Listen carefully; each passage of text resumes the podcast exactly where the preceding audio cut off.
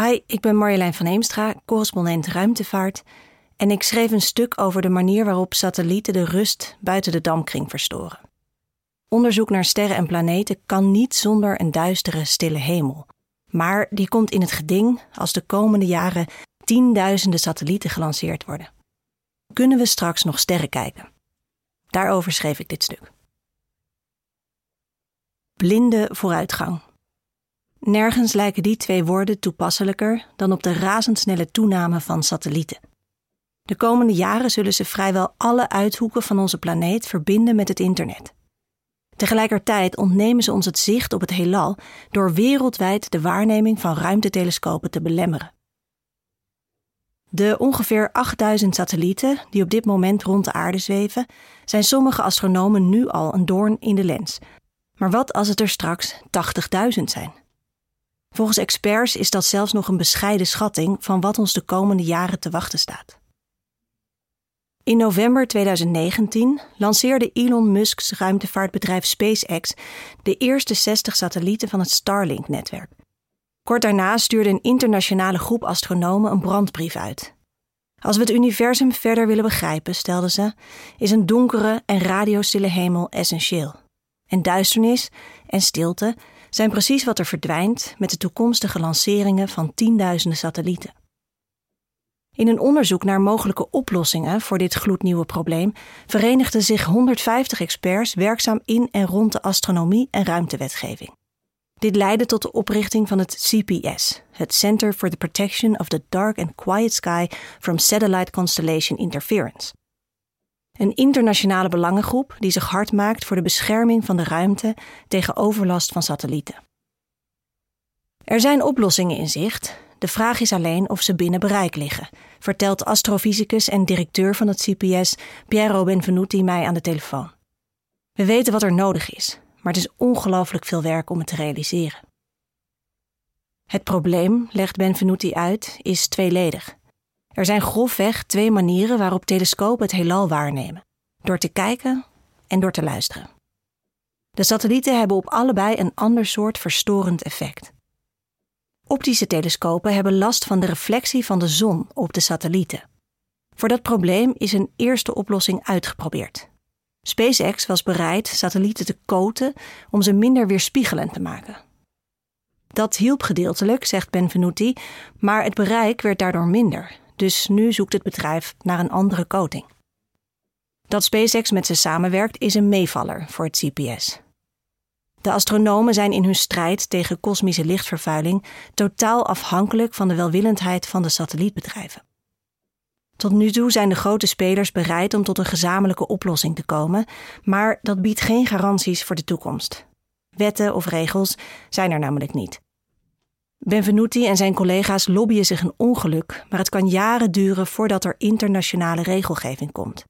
Jaren waarin er duizenden nieuwe satellieten worden gelanceerd. Er is nog een oplossing voor de optische telescopen. Het CPS ontwierp een wiskundig model waarmee het de posities van alle werkende satellieten kan berekenen. Omdat de grote telescopen maar een relatief klein deel van de hemel bekijken, kun je met zo'n model om de stoorzenders heen werken en het grote oog van de telescoop openen of sluiten al naar gelang de kosmische verkeersdrukte. Alleen moet je dan wel van elke lancering op de hoogte zijn. En niet alle satellietbedrijven blijken tot Benvenuti's spijt bereid om die informatie te delen. Het is, zegt hij, ook nog eens heel intensief, want dat model moet voortdurend geüpdate worden.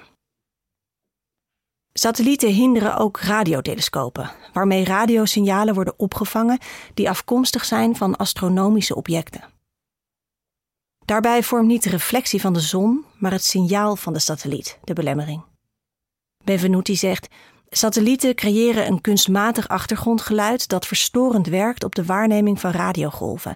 Radiotelescopen worden met opzet op afgelegen plekken gebouwd om verstorende ruis te minimaliseren. Maar als die ruis permanent om de aarde heen hangt, dan maakt het niet meer uit hoe ver je van de bewoonde wereld bent. Ook hiervoor is een oplossing bedacht.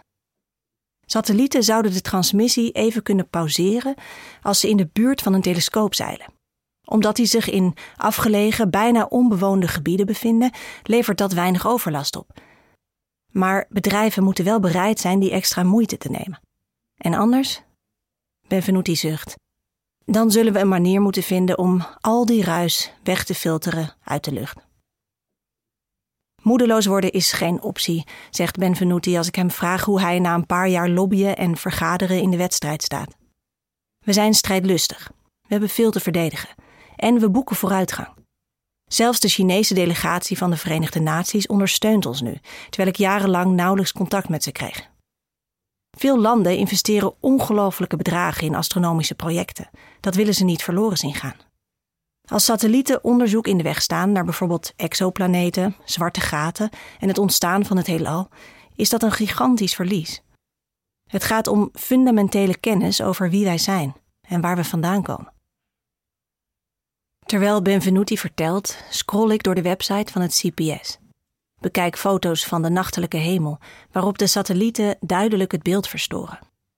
Harde, verticale krassen van licht dwars over de spikkels van de sterrenbeelden. Alsof een kat haar nagels aan het universum slijpt.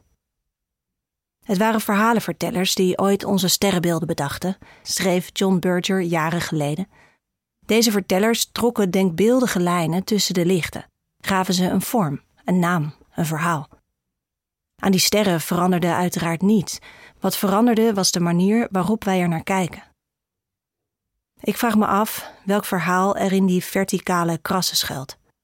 En of het op termijn de stier, de zwaan, de waterman verdrijft. Een verhaal over snelle communicatie ten koste van oeroude mythen. Over bereik ten koste van uitzicht. Over hoe de hemel kleiner werd. Het CPS probeert zoveel mogelijk met de commerciële partijen samen te werken. Maar, geeft Benvenuti toe, het is een helse klus om astronomie en commercie te verenigen buiten de dampkring.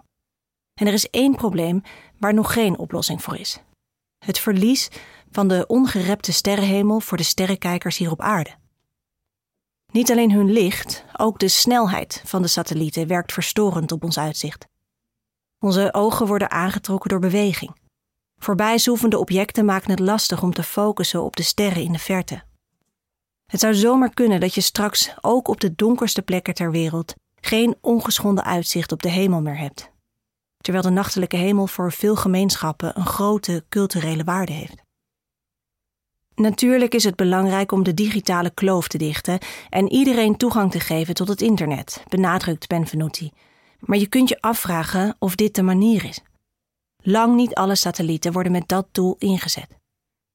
Als er niets verandert aan de huidige plannen en het gebrek aan regelgeving, zal rond 2030 minstens 1 op de 15 lichtpuntjes aan de nachtelijke hemel door mensen gemaakt zijn. Lichtvervuiling op aarde valt nog te controleren, maar als het eenmaal van hoog boven ons komt, is er nauwelijks nog iets aan te doen. En dan kan het heelal, zoals we dat sinds mensenheugenis kennen, bestuderen en bewonderen, ons definitief door de vingers glippen.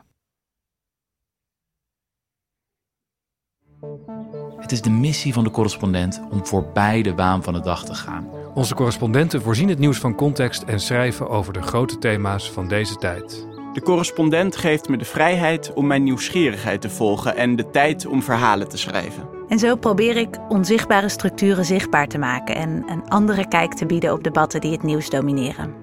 Dan gaat het minder over het spelletje en veel meer over wat er op het spel staat. Vanaf dag 1 zijn onze artikelen, boeken en podcasts gefinancierd door onze leden. Volg ons op onze journalistieke zoektocht. Overweeg eens lid te worden van de correspondent. En maak daarmee samen met ruim 70.000 anderen onze onafhankelijke journalistiek mogelijk. Dus word lid van de correspondent. Ja. Word lid. Word lid.